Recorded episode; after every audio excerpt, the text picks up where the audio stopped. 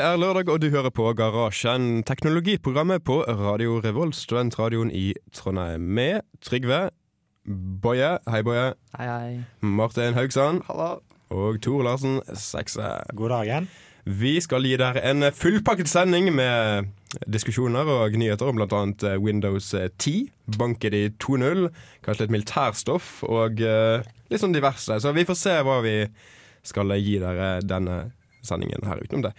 Dere skal nå få litt musikk helt først. Cold War Kids med First får dere her i garasjen på Radio Revolt.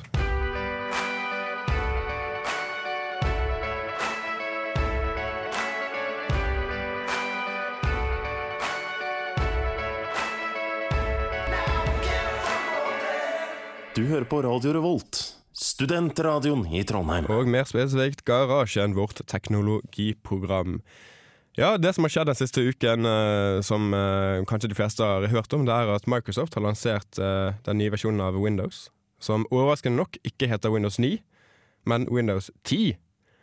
Og det er jo litt eh, sært. Microsoft mener selv at grunnen er at de vil omfatte mye mer under Windows-paraplyen, og derfor gir det mening med et navneskifte. Jeg kan ikke helt se at det er en fornuftig grunn i det hele tatt. Tor? Da burde du kanskje kalt det noe annet enn Windows. Kanskje For at- Windows X? Ja, eller Windows X, er ikke det Du har jo sånne ting som Millennium og alt, alle de der rare navnene der hans. Men det som kjennetegner de, er jo at de Windows-versjonene var de som var virkelig ræva. De som ikke har tall? Ja, stort sett. Eller du har jo XP og sånt, men du har jo de Millennium og 2000 og de Ja, 2000 var bra. Jeg brukte Ja, to- 2000. Jeg likte 2000. Men Martin, du hadde en god teori på hvorfor uh, de ikke kaller det Windows 9. Ja, jeg har sett en litt morsom post. At, eh, at eh, Windows alternerer jo mellom å være et godt operativsystem og et dårlig operativsystem. Uh, og Windows, Du hadde Windows Vista, som var dårlig. Windows 7, som var bra. Så Windows 8, som har mottatt mye kritikk. Og så kunne Windows 9 blitt bra, og så har de bare hoppet over. Så de vil gjøre det dårlig. Derfor de uh... Ja, kanskje det er det. Er, Jeg tror det er en dårlig teori. Jeg, Den- jeg, den- vet- ja, Boje, du kan få ja, det er en liten fun fact. Da. Og det er at I 2013 så skrev siden infoworld.com hadde en aprilsnarr på at eh, Windows 9 hadde blitt for bra, så de bare skippet Windows 9 og så hoppet rett til Windows 10. da. Eh, og det er litt morsomt at det faktisk skjedde da, et år, litt over et, et og et halvt år senere. Men eh, den teorien jeg har hørt, den er kanskje litt mer eh, eh, logisk. For det er mange programmer som sjekker eh, versjonsnummeret til Windows for å se om de faktisk støtter den versjonen. Og da er det kanskje en del programmer som sjekker om eh, versjonsnummer eh, Eller versjonsnavnet begynner på Windows 9, fordi de vil ikke støtte Windows 95 og 98. Så hvis man, eh, hvis man hadde kalt operativsystemet Windows 9, så hadde, så hadde man blitt rammet av de sjekkene for Windows 95 og 98. Men det finnes jo Windows 1 for veldig lenge siden. Det er veldig lenge siden. Ja. Men det, Jeg, jeg tror ikke det funker. Jeg, tror- jeg, tror, jeg, jeg tror ikke det er så mange program som sjekker om de eh, er på Windows 1. ass. Jeg tror når du passerer sånn Windows 3,5 og bakover i rekka, så tror jeg rett og slett ikke det finnes hardware som klarer å støtte skiten. Altså Du kan fint kjøre Windows 3.1 på et VM, Ja, på VM, men å fysisk Ja, kjøre det på eh, hardwaren tror ikke du får til lenger. men uh, tingen med de eldre Windowsene er jo at de er 16 bits. Så det, programmene vil ikke kunne kjøre uansett, så det er ikke noe poeng å sjekke det, egentlig. Nei. Men ja, vi kan snakke om eh, litt eh, andre ting enn versjonsnavnet. Hva forventer dere eh, fra Windows 10? Hva har dere vært misfornøyde med Windows 8? Tor? Jeg forventer forhåpentligvis at de fjerner en del av den der touch-touch-mobilfunksjonaliteten, og gjør det litt mer tilbake mot faktisk desktops og det å sitte og jobbe på maskinen, og ikke bare Oh, it shall look fancy! Men er ikke touchskjermer fremtiden? Det er jo kanskje det, men det er ikke veldig mange som har stasjonære og arbeidsmaskiner med touchskjerm ennå. Jeg har en hybridmaskin. Eh, PC. Eh, laptop. Veldig kul. Ja, den er veldig kul. En eh, ThinkPad Yoga eh, som har touchskjerm, og eh, den er veldig morsom. Og, jeg føler at Windows er litt sånn spalta, har litt sånn spalta personlighet. Eh, ting blir bedre. Jeg har hatt den snart et år, og jeg merker det at det, det går framover. Um, og jeg tror at Windows 10 kommer til å fortsette den utviklinga. Jeg tror det blir veldig, veldig bra. Bruker du den touch-funksjonaliteten noe særlig, eller Eller bruker du mer tid på å leite etter funksjoner som de har begravd ned for å bringe fram touch-funksjonaliteten? Altså, eh, touch er veldig veldig kjekt når man f.eks. er på internett. Da kan man bruke det som eh, en vanlig eh, iPad, eller em, Ja. um, det som er litt problemet, er at uh, du bruker ofte desktop-versjoner av uh, internettprogram. Uh, og sånn det å navigere seg litt, kan være litt vanskelig. Og det å um, Sånn som det å få opp sånn tastatur og trykk og sånn. Men det er jo noe som f.eks. Firefox må finne ut av. Dette er et tema vi kan snakke mye om. Vi kan ta litt mer om det etter pausen. Først skal dere få høre låten uh, 'Forcefield of Solitude' med Perling Hess her i garasjen på Radio Revolt.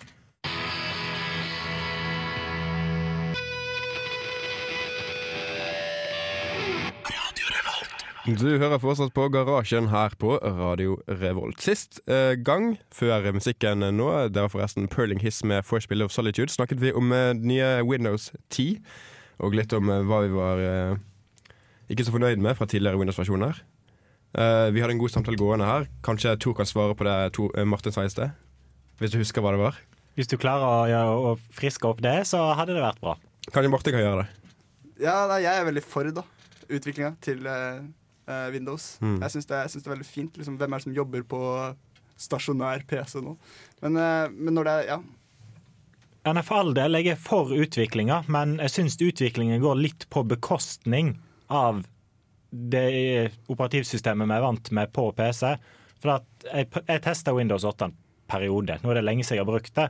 Men alle de funksjonene jeg var vant med å finne lett tilgjengelig, var da gravd ned i alle mulige rare menyer. Og det tok rett og slett bare lengre tid å gjøre ting. Og det var mer stress å holde PC-en gående, for det bruket jeg hadde på det tidspunktet. Ja, for Det som er nytt nå, i hvert fall det største liksom, nye i Windows 10, sånn som jeg har forstått det, er at de har laget en liksom felles eh, utviklingsbase. da, eh, Sånn at når du skriver f.eks. en nettleser, da, så skriver du den sånn at den kommer til å fungere både på touch og på vanlig desktop-måte. Sånn at hvis du bruker en touchenhet, eller hvis du velger da f.eks. har en hybrid, da, sånn som Martin, og velger da å ha lyst til å bruke nettleseren med touch-funksjonaliteter, så vil, eh, så vil på en måte nettleseren tilpasse seg det da, automatisk. Eh, sånn at alle programmer som du da installerer via liksom den eh, app-storen på en måte da, til Microsoft, eh, vil på en måte fungere på, på liksom kryss og tvers. da. Eh, så ja, de har i hvert fall lagt liksom basen for at det skal gå bra. da. Men min erfaring med appstoren til uh, Microsoft er jo at de programmene som er der, de er, har mindre features og sånn, så det er kanskje ikke så mange som, som vil ha lyst, ha lyst til å bruke de på eh, desktop. Jeg, vet, jeg, jeg bruker ikke Windows engang. Så jeg har aldri brukt det. Jeg har aldri vært borti den appstoren engang. Så jeg vet ingenting om det, egentlig. Ja, men det blir jo òg et stort problem, for Microsoft har jo veldig mye mindre apps i utgangspunktet. Og hvis du da, når du må utvikle en ny app, må utvikle den for funksjonalitet både for desktop og mobil og touch, så vil utviklingskostnadene bli høyere. Og du vil da òg igjen få mindre apps i markedet. Men eh, det største problemet med apps, i, eh, hvert fall på PC-en min, er at en app tar opp hele skjermen. eh, og at eh, det virker veldig delt. da. At man eksempel, du switcher mellom et skrivebords eh, greit, og så kan du dra liksom fra enden av skjermen så kan du dra det over liksom i app-verden. da. Eh, men i Windows 10 så skal det bli sånn at apps eh, også kan ekses ut og minimeres. eh, på samme måte som et vanlig program. Mm, det er veldig, ja. veldig, veldig, veldig, veldig bra. Ja, du skal kunne ha sånne apps i, i, i vinduer, og du skal kunne ankre de fleste liksom deler av skjermen. Mm. Så det vil bli mer brukervennlig generelt.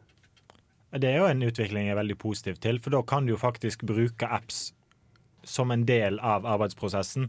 For det er jo litt vanskelig når de plutselig skal ta hele skjermen og eie alt, men når du kan begynne å dra de rundt, så kan du jo Så blir det lettere å kode f.eks. kalkulatorer og den type verktøy til Windows. Fordi at du kan kode de som apps, og da har du jo litt andre verktøy og, og API-er og sånt å bruke. Hmm. Men eh, andre nyheter i Windows 10 de får, altså Nå får Windows tilbake sin startmeny, som er en slags uh, blanding av startmenyen fra Windows 7 og tidligere, og uh, dette her um, metrostartskjermen. Uh, det ser ut som de har liksom minimert metrostartskjermen og puttet den på startmenyen. Hva syns dere om det? Ja, nei, det er jo positivt at de i hvert fall prøver, for den metromenyen har jeg ingenting til overs for. Den var bare irriterende, og så tar han hele skjermen og bare plager meg. Hva tenker du, Martin, som bruker touch?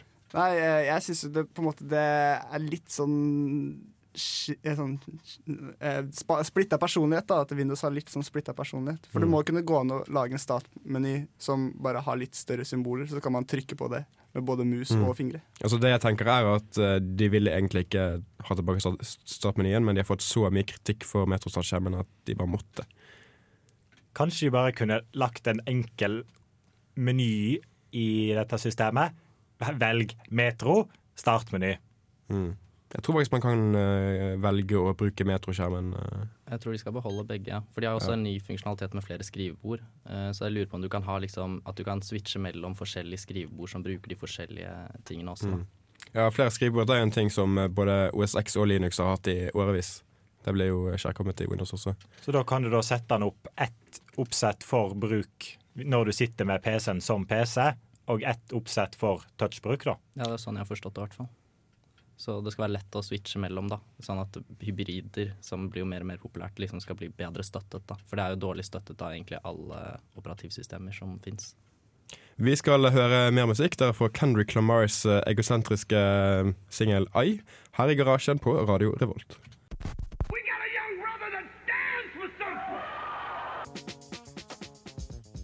Du har kanskje hørt om kvantedatamaskiner, men vet du egentlig hva de er? Kanskje har du hørt at hvis vi klarer å bygge en fungerende kvantedatamaskin, vil vi kunne knekke alle koder og løse alle algoritmer på bare millisekunder. Og kanskje har du lest at nå som selskaper som Google og Amazon bevilger store summer penger for å prøve å bygge nettopp en kvantedatamaskin, er en masseprodusert kommersiell maskin bare rett rundt hjørnet? I så fall må jeg dessverre skuffe deg.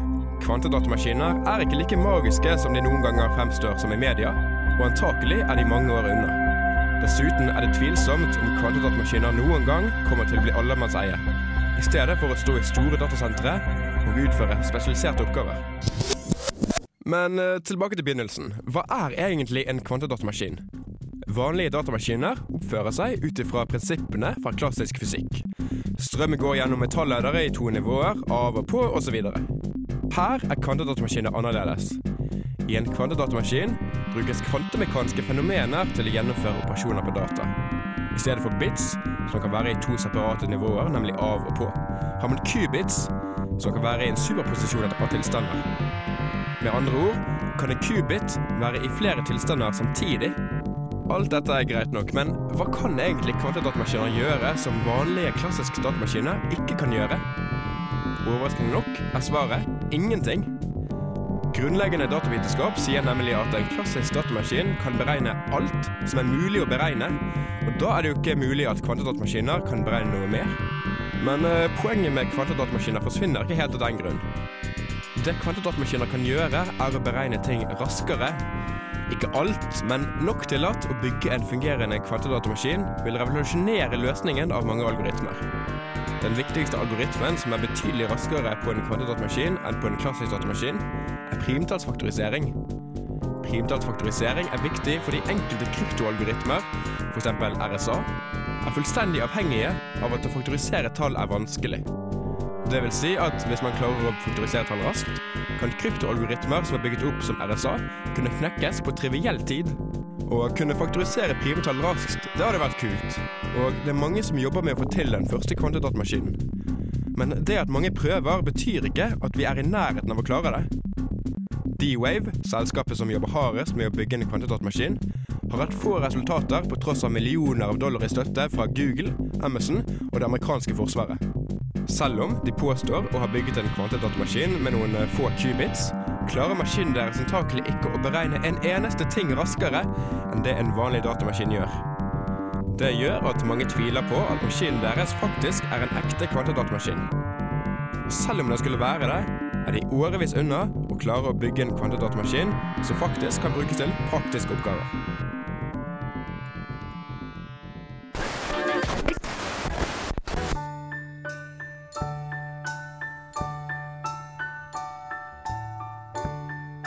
Velkommen til programmet Klapper jeg et fint eller et ekkelt dyr?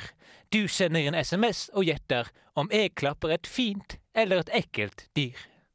Få inn første dyr. Å, så fine. Å, så fint dyr. Å, så fine. Så fine, så fine, så fine. Og så... Ja, da har vi fått inn en SMS eh, fra Truls, som foreslår at det er et fint dyr jeg klapper. Det er helt korrekt. Du får tilsendt en premie i posten. Få inn neste dyr. Æsj! Æsj a meg! For et ekkelt dyr! Æsj! Æsj! Æsj a Dette Æsj! For et ekkelt dyr! For et veldig, veldig ekkelt dyr! Æsj a meg! Æsj! Æsj! Ja, da har vi fått en SMS som foreslår at det er et ekkelt dyr. Det er helt korrekt. Følg oss neste gang i programmet 'Klapp jeg et fint eller et ekkelt dyr?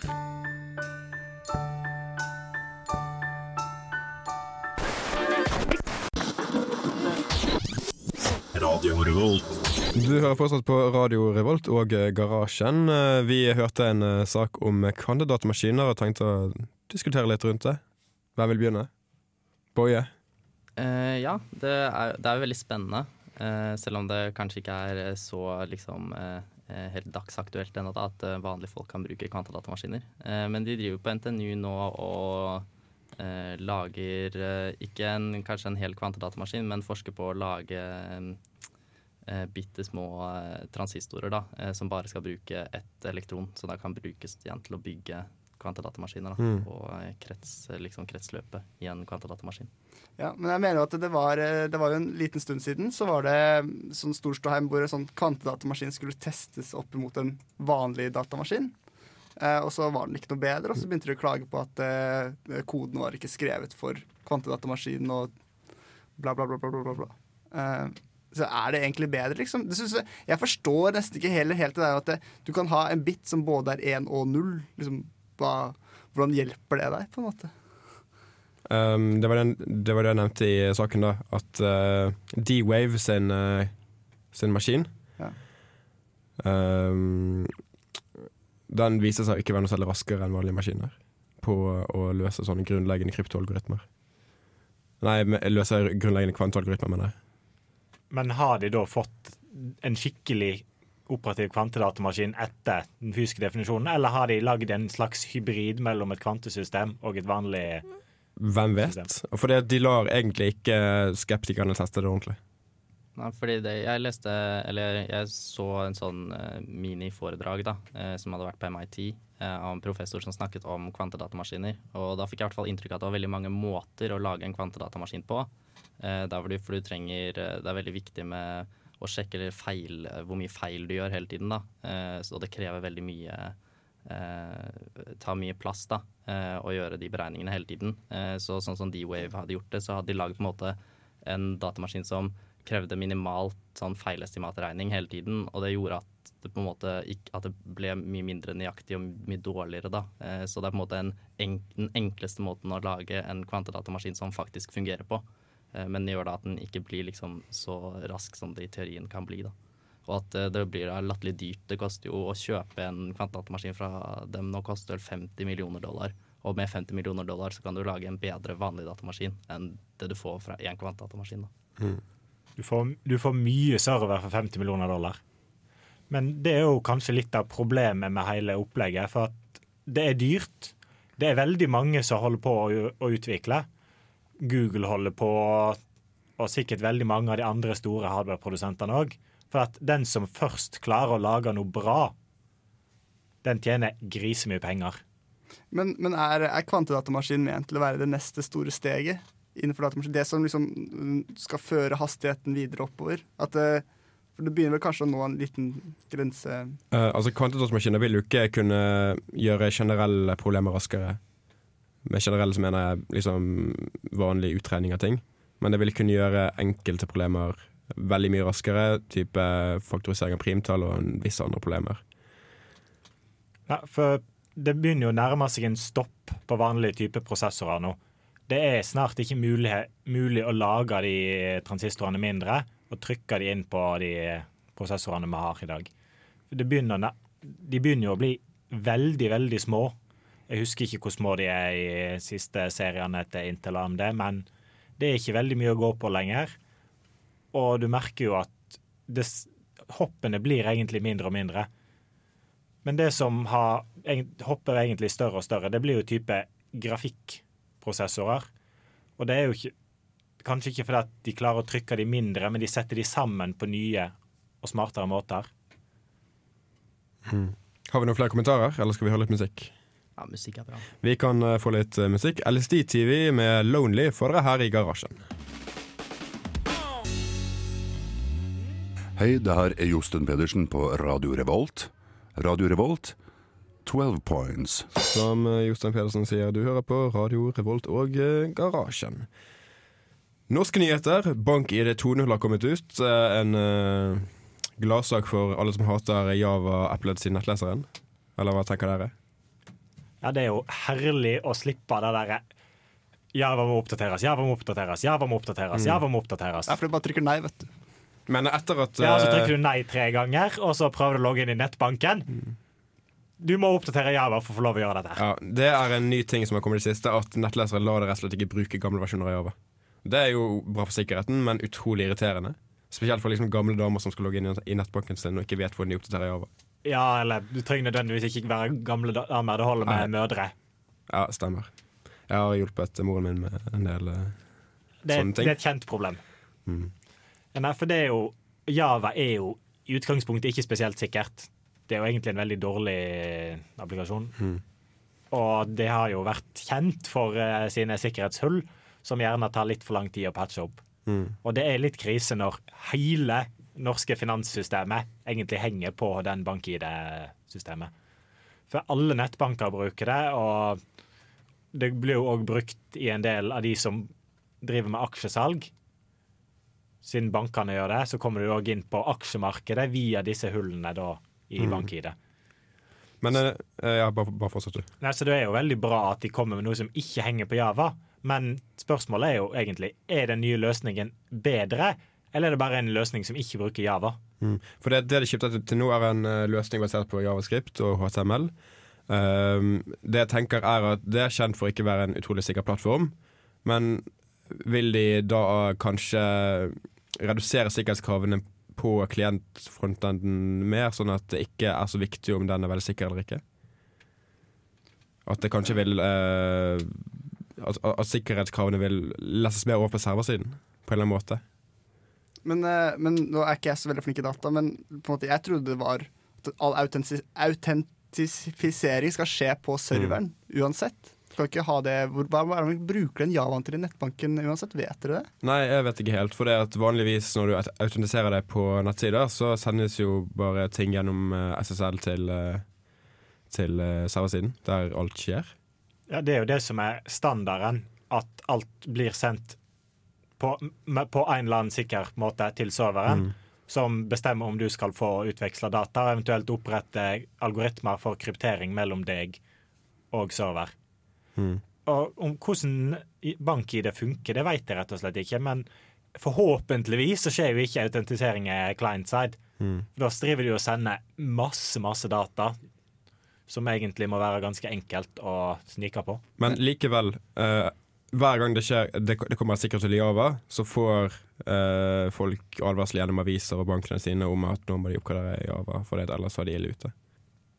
Ja, eh, jeg bare tenkte på det som vi snakket om med at hvordan bank-ID fungerer med Java. Så jeg tror egentlig ikke det er meningen at man skal vite helt hvordan det fungerer. Da. Akkurat som kodebrikken, liksom, at det, det skal være noe man ikke vet hvordan funker. Mm. Eh, for sikkerhetens skyld, da, på en måte. Men uh, BankID 2.0 kommer til å være i Javascript, og Javascript er som kjent lesbart av alle som uh, har nettleser. Så eh, det er liksom ikke det samme som uh, kompilert uh, Java-kodebase. Ja, men det er jo egentlig en bra ting. For det jeg tror BankID har dreia seg litt på, har vært det gode, gamle uttrykket 'security by obscurity'. Mm. Rett og slett at sikkerheten ligger i at det er et fucka system, og ingen egentlig veit hvordan det funker. Men er det god beskyttelse mot Altså Det har jo tydeligvis vært god beskyttelse mot hackergrupper eh, inntil nå. Det veit vi jo egentlig ikke. Altså Jeg tror at hvis det ikke hadde vært det, så hadde bankene eh, fremskyndet utviklingen av BankID 2.0 veldig. Hvis Ja. det faktisk hadde blitt angrepet eh, eh, med jevne mellomrom. Det blir jo angrepet med jevne mellomrom. Ja, men eh, med eh, god suksess. Ja, Det nei, tror jeg ikke har skjedd. Nei, det veit jeg ikke, men det er jo sånt Det hadde ikke bankene gått ut med hvis de hadde klart å snik, snike det unna. Nei, men det hadde jo vært Hvis noen hadde kommet inn på bank-ID, tatt opp et lån i et annet sted og satt inn alle penga på din egen konto, så hvis ikke det hadde blitt en sak i media, Ja, men du så har, skjønner jo, jeg ingenting. du har jo fortsatt sporbarhet i det at operasjonene er gjort. Du veit hvor de har blitt gjort fra, og du veit hvor pengene har gått. Men vi burde jo hørt om det. Ja, altså Hvis én hacker klarer det, og øh, gjøre det som Martin beskrev i sted, så er det Altså da kan hvem som helst gjøre det. Det er ikke sånn at én person sitter og holder på den hemmeligheten, og ingen andre klarer å gjøre det heller. Og liksom.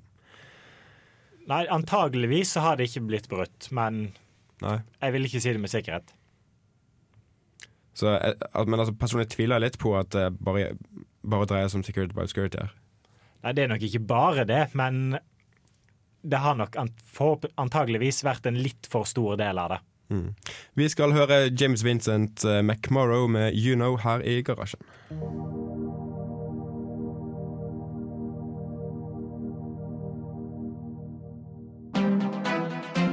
Garasjen gir deg ukens teknologinyheter. Vi skal uh, høre en oppsummering av ukens teknologinyheter her i eh, garasjen. Uh, første jeg har funnet, er at eh, Tesla skal, skal lansere en uh, ny uh, bil om noen få dager. Ingen vet hva det er. Det kommer til et mystisk bilde der en halv Tesla er, kan ses under en garasjedør. Hva tror dere de, de kommer til å lansere? Bryr dere dere i det hele tatt? Jeg syns de burde miste bilen på en bar. Det hadde faktisk vært sykt kult om de bare stager sånn der PR-stunt der de putter en jævla bil inne på en uh, tilfeldig bar i London eller noe sånt. Ja, eller utafor med nøkkelen i. Bare for å gjøre narr av disse Apple og uh, diverse sånne andre selskaper som mister mobiler. Og Det, Ja, det, det, det. hadde vært kult. Det, had, det er jo litt begrensa hva det kan være. Det er jo, for, for eksempel så er det sannsynligvis ikke en uh, SUV, eller en svær bil. Nei, men det, det er mange som har spekulert om det kanskje er en firehjulsdrevet bil. En firehjulsdrevet versjon av den uh, eksisterende Model S-en deres. At det rett og slett er en helt enkel uh, firehjulsdrevet firesetersak. Det er jo, kan jo godt være, for at antageligvis så blir den ikke spesielt mye mindre enn det Teslaen er i dag. Mm. For da blir det en veldig liten bil, og du vil markedsføre den mot et veldig mye mindre marked. Men vil ikke det føre til eh, lavere batteritid? Jo, og så vil du òg få plass til mindre batterier, Mm. og for, da få mer batterivekt per egentlig mengde bil. Ja, men, Mm. ja, men vil du virkelig For, dette, for en firehjulsdrevet bil eh, jeg har jo som regel en aksling fra motoren foran til hjula bak. Men en batteridrevet bil kan jo kanskje ha to motorer. Dobbelt så mye fart. Sånn som all, de fleste elektriske biler funker i dag, og i hvert fall de type Mercedes, McLaren har vel en og sånt, så har de én motor per hjul når de er firehjulsdrevet. Så da blir det dobbelt så mye futt da, i Teslaen. Den har vel Det blir, det blir skummelt mye. Du får vel ikke dobbelt så mye futt, du får kanskje mindre motorer, men du, du har én motor som driver hvert hjul, og de går uavhengig av hverandre. Så da har du en, egentlig en veldig sikker bil. For at du vil aldri få en bil som driver spinner, for at den vil automatisk regulere kraft til alle hjulene uavhengig, og passe på at de går like fort. Vi går videre. Uh, andre nyheten jeg har med meg, er at uh, EU har endret reglene sånn at man eh, fra når flyselskapene velger å implementere det, ikke kommer til å ha på, fly, på flymodus på mobilen sin over en viss høyde. Uh, og da kan man i teorien bruke 3G og 4G og sånn, hvis det rekker opp der. Noe jeg ikke tror de gjør, men potensielt. De eh, mobilnettsenderne som i hvert fall er brukt i Norge, de vil jo ikke gjøre det, for de er veldig retningsbestemte sendere. Du ser jo det på et tårn som har mobi mobilsendere, så står det gjerne fire eller fem på samme sted og peker i ulike retninger. Og det er jo ingen av de som peker rett opp. Der er det jo ingen kunder. Men vil det i teorien være mulig å peke en mobilsender rett opp, sånn at den kan nå opp til vanlig flyhøyde? eh. For det, altså, det er jo eh, ikke noen hindringer på veien. Du vil, du vil antageligvis ikke klare å få 4G over så store avstander, men å få vanlig mobildekning, Ja. Det vil nok gå bra. Så kanskje folk kan ringe fra flyet sitt uh, i fremtiden. Ja, men eh, de fleste fly i dag har jo uh, wifi, og Mm. IP-telefoni er jo en uh, fin bil. Har dere noen nyheter som dere har lest siste uken? Eh, jeg leste en liten nyhet om eh, Google i eh, Tyskland. At Tyskland nå vurderer, eller da tvinger Google til å stoppe, fordi Google driver hele tiden pga. alle de reklamegreiene at de skal ha relevant reklame og, og liksom samle persondata om alt du søker på, hva du driver med på nettet. da. Og det er tydeligvis da ulovlig i Tyskland. Så det kommer til å bli en del saker rundt det i Tyskland i fremtiden eh, nå, eh, antageligvis. da, Og så kan det hende at flere land kommer etter, på en måte. da. Eh, Mm. Og det er jo litt spennende. Men hva konkret var det de ble bedt om å stoppe med? Det var oppsamling av persondata. At de okay. lagret hele tiden alt du søkte på og drev med på nettet. Det her er jo egentlig et veldig interessant tema som jeg kanskje kan snakke om neste uke. Stemmer det. Først nå skal vi høre litt musikk. FKA Twigs med Video Girl Hercules Handsome Remix. For dere her i garasjen, dette er Radio Revolt.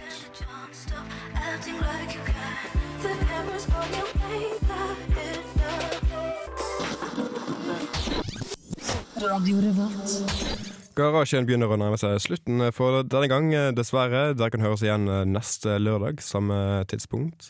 Hvis dere vil nå oss i mellomtiden, kan dere f.eks. sende SMS til 2030 med kodeord RR. Da blir vi veldig glade. Tjenesten koster eh, forresten én krone. Dere kan også sende mail til garasjen krøllalfa radiorevolt.no. Har dere noe dere vil si til lytterne før vi takker for oss? Eh, God middag. God middag. Eh, Eller lunsj. Eller frokost. ja, frokost for meg, kanskje. Uh, ja, vi ønsker alle lytterne våre en god frokost, og håper dere tuner inn også neste lørdag.